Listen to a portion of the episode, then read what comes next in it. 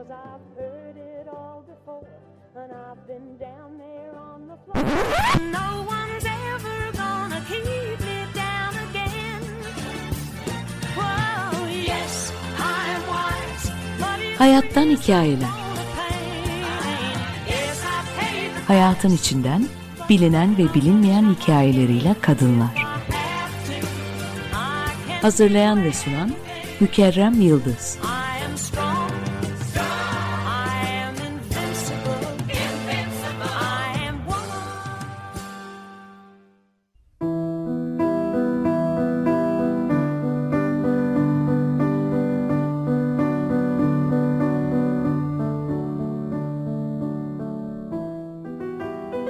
Aylak adam geziyordu.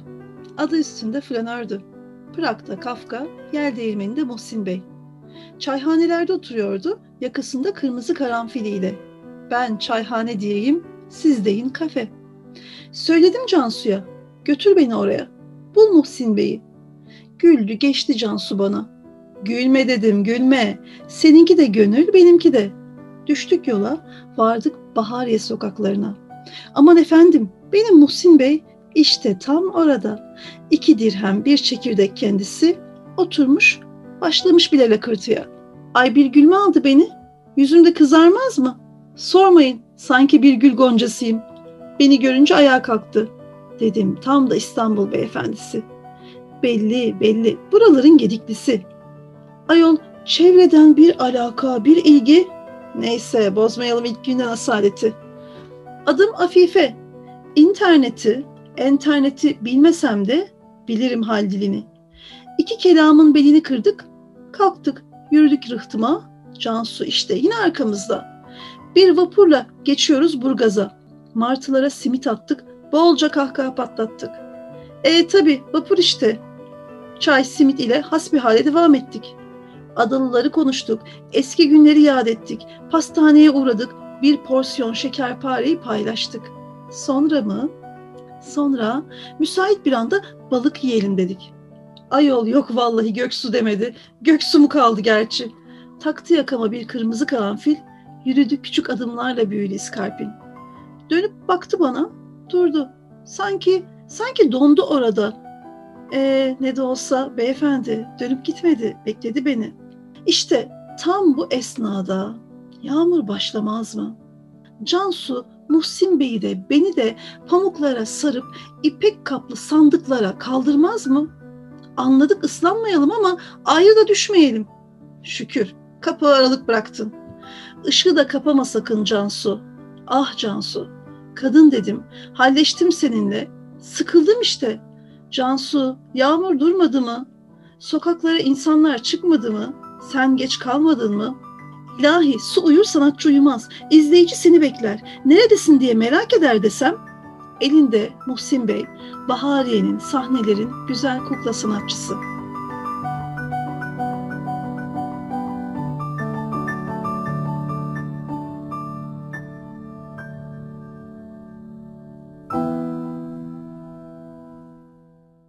Hayattan Hikayelerin yeni bölümünde yine bir kadın konuğumla birlikteyiz. Eminim pek çoğumuz bir tiyatroda, televizyon programında ya da özellikle en işlek caddelerin kalabalık kaldırımlarından birinde bir kukla performansını izlemiş, beğenmiş, hatta alkışlamıştır. Ama sonunda tebessümle, hayranlıkla oradan ayrılıp yolumuza devam etmişizdir. Peki o kuklaya can veren kimdir hiç düşündük mü? İşte bugün konuğum kukla sanatçısı sevgili Cansu Akdeniz. Cansu Açık Radyo'ya, Hayattan Hikayelere hoş geldin. Hoş bulduk Ökerem. Merhabalar. Kahramanın sevgili Muhsin Bey'le ve benim ona yakıştırdığım Afife ile giriş yaptım. Her ne kadar Muhsin Bey'den ve Afife'den yola çıksam da aslında bu senin hikayene küçücük bir dokunuştu. Çok güzeldi. Emeğine, kalemine sağlık. Gerçekten çok hoşuma gitti. Çok sağ ol. Peki madem Muhsin Bey'le başladık, Muhsin Bey'le devam edelim. Hı hı. Muhsin Bey'le sokağa çıkıyorsun, karanfil yakasına Evet. takıyorsun, valizini yerleştiriyorsun, müziğini açıyorsun ve gösterim başlıyor. Oradan geçenler yavaş yavaş Muhsin Bey'i fark ediyorlar ve izlemeye başlıyorlar. Sen aslında hem oradasın hem yoksun. İzleyenleri takip edebiliyor musun? Ve bu gösteri esnasında benim aslında en çok ilgimi çeken çocukların ve Muhsin Bey'in akranlarının tepkisi. Senin gözlemin nedir ve izleyenleri bu esnada oyuna katabiliyor musun? Göz ucuyla tabii ki de herkesi tek tek izlemeye çalışıyorum. Daha çok Muhsin'e dalıp gittiğim zamanlar da oluyor ama daha çok ensesine bakmam gerekiyor onu kontrol edebilmek için. Çocuklar için birazcık korkutucu olabiliyor zaman zaman. Ama genelde yetişkinler bile anlamakta güçlük çekiyor aslında. Çok gerçekçi göründüğü için çok değişik yorumlar alıyorum. Mesela herhalde dedenin üstünde bir kız var. Kızın ayakları yok ve bunu şov haline getirip sokağa çıkmışlar diye çok kızlarla karşılaştım böyle bu tür şeyler. Üzerindeki cüce sana ne oldu Muhsin'e? Hani gezdiriyor herhalde bu şekilde falan diye. Böyle garip garip yorumlar alıyorum. Onun dışında tabii e, bazı çocuklarla iletişimimi güçlü tutmaya çalışıyorum ama gerçekten hani büyüklerin bile ayırt edemediği bir şeyi çocukların ayırt edebilmesi çok güç. E, daha çok ben, e, hani böyle birazcık göstermeyi falan deniyorum. Bak kukla bu, işte benim elim burada, kafası burada falan diye. O zaman biraz daha böyle sıcak bakabiliyorlar duruma. Yaptığın ve canlandırdığın kuklalarla mutlaka bir bağ oluşuyordur diye düşünüyorum. Evet. Nasıl işliyor? ve Muhsin Bey nasıl ortaya çıktı? Bunu merak ediyorum. Muhsin Bey nasıl ortaya çıktı? İlk başta ben beden kuklası workshop'unu öğrendim. Natasha Belova diye bir sanatçı var. Asıl beden kuklasını o gerçekleştiriyor. Onun eğitime geleceğini öğrendim. Workshop için İstanbul'a geleceğini öğrendim. Hazırlığımı yaptım. İki haftalık workshop'a girdik. Hepimizin bir karakter oluşturması gerekiyordu öncelikle. Böyle düşündüm. Çok detaylı düşünen birisiyim bazen. Çok detaylı düşündüm düşündüm. En son bana sordular Cansu işte sen nasıl bir karakter oluşturacaksın? Derken o anda aklıma babam geldi. Öğretmen kendisi. Uzun yıllardır öğretmenlik yapıyor ve kendi kişisel hayatında da ister istemez bu öğretmenlik güdüsüyle davranıyor. O yüzden e, hep böyle kafasını boşaltmak için genelde bir şeylerle uğraşır, çakar eder falan böyle. Kırık sandalyeyi bozar, tekrar yapar gibi böyle komik taraflarını fark ettim. Dedim babam gibi biri olsun Muhsin. Aynı zamanda bir de bir teknolojiyle bir türlü barışamadı bir noktada. Yavaş yavaş açtık onu da böyle bu zamanlar pandemi sürecinde. O yüzden dedim e, bu özelliğini de alayım ben babamın. Muhsin hani daha çok eskiden gelen bir insan olsun. Yeni dünyaya ayak uyduramayan birisi Muhsin de aslında babam gibi birazcık. Bu şekilde biraz da e, sokakta çalışmaya başlayınca o zaman da kendiliğinden gelişti bir şeyler ve bir Muhsin karakteri oluştu. İlk başta ne yapacağımı bilmiyordum. Çok doğaçlama takılıyordum böyle. Ama sonrasında yavaş yavaş insanların bakışıyla işte benim onlara bakış şeklimle falan e, dedim ki Muhsin'in bir hikayesi olsun. Yani tamam babandan esinlendiğim yaptığım bir şey. Özelliklerini taşısın ama kendisinde bir hikayesi olsun. Bu kırmızı çiçeği aslında Muhsin'in onun kendi değerlerini taşıdığı simgesel bir şey onun için. Çiçeğini verecek birisini arıyor aslında ama o çiçeği onun umutlarını, işte değer yargılarını, geleneklerini, göreneklerini taşıyan bir çiçek ve onu teslim edecek kimseyi bulamıyor aslında etrafta. Yani alt metninde böyle bir şey yatıyor Muhsin'in. Tabii bunu bir şekilde e, bu gösteriyi bu arada hani bir buçuk senedir falan yapıyorum sokaklarda. Sonlandırma isteğim var çünkü artık başka bir karaktere de geçiş yapmak istiyorum. Ve belki de diyorum bir son yazarım Muhsin'e. O çiçeği verebileceği birisini bulur. Yani bu bir kadın olabilir, bir çocuk olabilir, bir başka birisi olabilir bilmiyorum. Ama bu şekilde gelişiyor olaylar. Ben senden önce sonu yazdım zaten. Burada bir afife buldum. Onu Evet bir afife lazım artık. Peki beden kuklası ya da kukla sanatı diyelim. Yani tüm sanat dalları gibi aslında kişinin kendini ifade etme biçimi. Bir özgürlük alanı. Sanatçı olarak kuklalarla ifade etme biçiminin seni özgürleştirdiğini düşünüyor musun? Yani evet beni şu anlamda özgürleştirdi. Bir kere bir özgüven sahibi oldum Muhsin sayesinde. Normalde toplum içerisinde böyle çok konuşmak işte çok ön planda olmayı seven birisi de değilim. Ama e, bunu onunla aştığımı düşünüyorum beden kuklası sayesinde. Çünkü her türlü yani ön planda beden kuklasını görüyor herkes. ilgi odağı oluyor. Ben arkada biraz gözüküyorum. Kendimi biraz gizlemeye çalışıyorum şapkayla falan ama hani bu şekilde beni özgür kıldığını düşünüyorum açıkçası. Yani çok rahat hareket edebiliyorum. Muhsin'e ilk kortej yürüyüşüne çıktığımızda ilk defa elime aldım. Muhsin bitti artık böyle. 10 beden kuklasıyla yürüyorduk.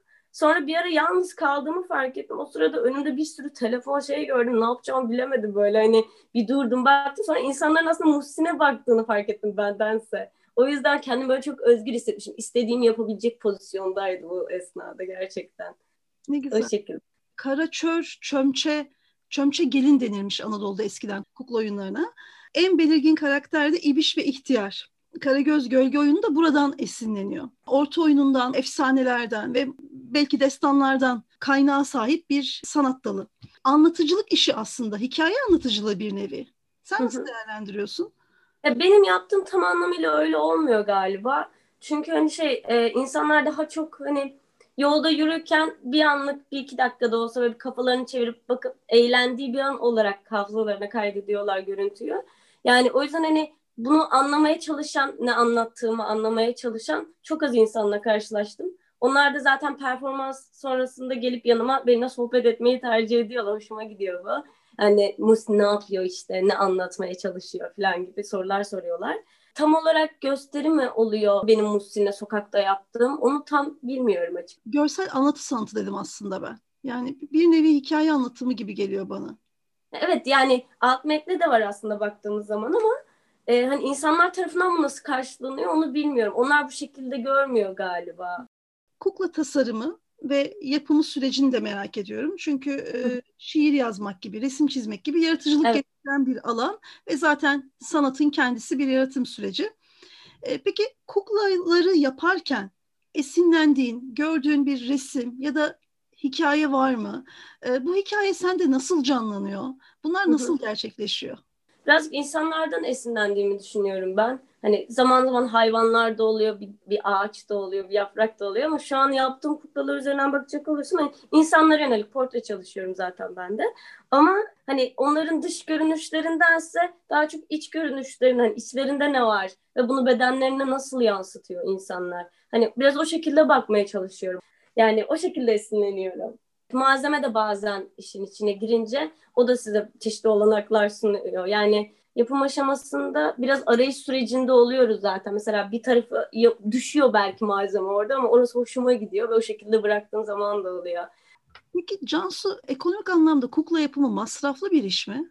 Hani beden kuklası malzemesinden dolayı çok masraflı bir şey. Verba dediğimiz bir malzemeyle yapıyoruz. Isıyla e, yumuşuyor. Organik bir malzeme. Ama e, yani bunun çok çeşidi var. Mesela en böyle eskiye bakacak olursak kağıt tutkal, papyamaşeyle daha çok yapılıyormuş kuklalar. Biz de onu kullanıyoruz. Ben de kullanıyorum. E, ama o bir tık daha daha uygun. Ama tabii yani yine en az size bir rakam verecek olursam en az yani 100 lirayı buluyor belki onu yapmanız bile. O şekilde ki hani şu dönemde düşünecek olursak ekonomik anlamda her şey çok pahalı olduğu için ekstra bir pahalılık söz konusu. Ama ben e, şey düşünüyorum. Yani insan her türlü bir şeyle, her türlü nesneyle kuklayı yapabilir. Yani illa böyle çok mükemmel malzemeler şeyler falan. Hani çok ciddi bir formda bir şey yapmak istemiyorsa insan yani bir kalemlikte de bir şey yapılabilir, bir ağaçta da bir kukla yapılabilir. To- yani doğadan toplanılan dallarla, yapraklarla bir şeyler yapılabilir. Tamamen sizin hayal gücünüze kalmış bir şey. Ya da benim gibi evde çoraplarla, mendillerle. Mesela. evet, çorap kukla çok güzel oluyor mesela. Hayattan hikayelerde müzik zamanı. Cansu senin bizler için seçtiğin, sevdiğin bir parça ile müzik arası diyelim mi? Diyelim. Ben akordeon müziklerini çok seviyorum, dinlemeyi çok seviyorum. Çok sevdiğim bir enstrüman. La Partida diye bir müzik var. Onu dinleyebiliriz.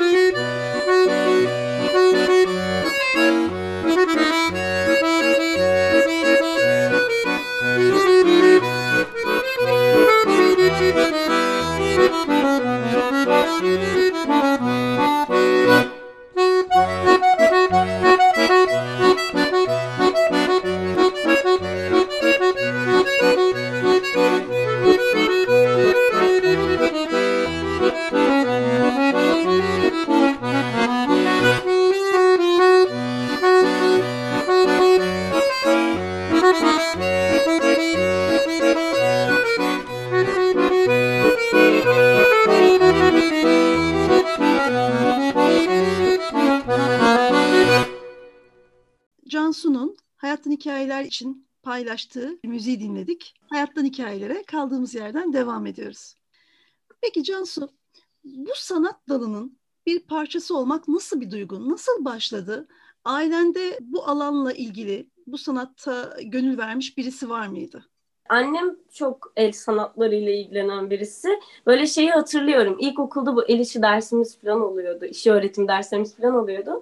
E, o zaman bir ampule böyle kağıt tutkaldan bahsettiğim şeyden evde annemden öğrenmiştim ilk onu mesela. Onunla böyle ampul üzerine bir tane kafa yapmıştık böyle. Hani bu şekilde annem bu konuda hep destekledi beni. Babam da bizzat öyle. Ama annemin eli çok yatkın olduğu için en ufak şeyde annemden yardım isteyebiliyorum. Kendisi de uğraşıyor hala. Hatta kostümlerinde daha çok annem dikiyor küçük yaptığım kuklaların falan böyle zaman zaman. Böyle hani ondan aldığımı düşünüyorum öyle bir yeteneği. Ama e, onun haricinde lise yıllarında benim birazcık kukla merakım başladı. Mask İstanbul adı altında bir oluşum vardı. Oraya katılmıştım. Orada biraz daha farklı bir çamur kullanmıştık orada. Talaştan yapmıştık onu da. E, o şekilde bir kille iki tane çalışma yapmıştım. Sonrasında zaten 9 Eylül Üniversitesi Güzel Sanatlar Fakültesine kaydoldum. Sahne tasarım bölümüne. Bölüm içerisinde de bizim kukla derslerimiz oluyordu. O yüzden oradan da böyle bir yatkınlığım söz konusuydu ama hani çok böyle kukla yapacağım şeklinde bir fikrim yoktu. Ama ikinci sınıfta yanlış hatırlamıyorsam Uluslararası İzmir Kukla Festivali oluyor. Ona katılmıştık. Yani onlar aracılığıyla gelen bir workshop olmuştu iki aylık süren. Dev kuklalar yapacaktık yani. Eski hava gazı fabrikasına buluntu mekana özgü bir tane kukla gösterisi yapacaktık ve bunlar 3-4 metrelik bazı 5 metre kadar büyüklükte sırtlarımızda taşıdığımız kuklalardan oluşacaktı. İki ay boyunca o workshopta yer aldım ve çok keyif aldığımı fark ettim. O an açıkçası kafama kazınmıştı hani bu tarz bir şey yapacağım diye. Sonrasında okuldan mezun olunca zaten e, bu Natasha Belova'nın workshopuna katılmamla dedim ben bu yolda yol alayım. Bir de atölyem vardı, kendi atölyem. O şekilde bir şeyler yapmalıyım diye düşündüm. Hiçbir zaman masa başı iş hayali kuran bir insan da olmadım zaten. Hani biraz aktif bir iş istiyordum. Bu da çok fazla aktif oldu. Bazen çok yorucu oluyor benim için ama seviyorum. Yani o şekilde yol almış oldum. Ama hakikaten farklı bir alan. Ee, Evet. En azından benim için. Çünkü birçok insan gitar çalabilir, şarkı söyleyebilir, farklı sanat dallarına yönelebilir. Ama kukla sanatıyla ilgilenmek bence bambaşka bir tercih. Çok yönlü bir yaratıcılık gerektiriyor. Evet bir de şey mesleki olarak algılanmıyor galiba hani bakıldığı zaman dışarıda. Hani bir tiyatrolarla çalışmak tabii ki de tasarımcı olarak çalışılıyor ama hani mesela ne yapıyorsun kukla tasarlıyorum denildiği vakit e başka ne yapıyorsun Hmm. asıl iş falan gibi klasik böyle sorular geliyor. Peki kukla canlandırmanın sahnede olması ile sokaklarda olması arasında nasıl bir ayrım var senin için? Ya bu güzel bir soru bu arada teşekkür ederim. Kuklayla çok farklı ikisi de. Birincisi e, sahnede hani dört duvar diyebileceğimiz bir alan ve hani hava koşullarına hiçbir şekilde etkilenmiyorsunuz. Hiçbir sıkıntı yok. Onun dışında hani oyunumuz hiçbir şekilde bölünmüyor. Herkes oraya ne izleyeceğini, ne göreceğini bilerek falan geliyor az çok. Ama sokakta bu şekilde değil. Yani oyun bölünüyor, fotoğraf çekmek isteyenler oluyor, işte selfie çekmek isteyenler oluyor. Oyun olduğunu farkında değiller. Ben bir 15 dakikalık bir performans yapıyorum. Onun çok farkına varmıyorlar. Böyle bir sıkıntı oluyor ama bu hani eksi tarafları. Yani artı tarafları da var bunun. Birincisi çok hani özgür bir şeydesiniz sokakta olduğunuz zaman. Sınırsızsınız yani baktığınızda. Alanı istediğiniz kadar kullanabilirsiniz. Ama tabii hani sahnedekiyle bir tutamam sokaktakini. Sahnede dekor giriyor işin içine, aksesuarlar giriyor. Bunlar sokakta olamıyor dekor mevzusu. Yani olsa olur ama taşıması çok güç şeyler. Bir aksesuar bavulum var. Onunla dolaşıyorum ama bazen gerçekten o bavul taşımak çok yük oluyor bana. E, hava koşulları biraz sıkıntılı. Mesela kışın çok fazla iş yapılamıyor sokakta. Bununla ilgili belediye birkaç çalışma içerisinde olduğunu söyledi ama e, hani bir alan, bir cam mekan yapılsa mesela sokak sanatçıları için bu şekilde. Ben bir de ekstradan şehir hatlarında çalışıyorum. Pazartesi günleri vapurda oluyorum. O mesela birazcık beni kurtarıyor. Hani ondan memnunum. Belirli saatlerde orada performans sergiliyorum, gidiyorum. Ve oturduğum yerdeyim, seyirci değişiyor. Bir nevi sahne gibi oluyor orası benim Evet. için.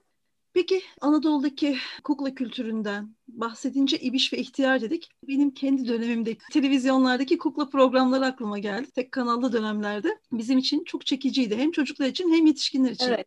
Televizyonda böyle bir projen var mı? Şöyle bir bekleyen bir proje var aslında. E, Bengü vardı arkadaşım. Beraber çalıştık iki sene aktif olarak atölyede. Onunla birlikte hazırladığımız bir şeydi. Şu anda beklemede. Yani henüz dosyayı tamamlayamadık. Onu bir televizyon kanalına sunmak istiyoruz.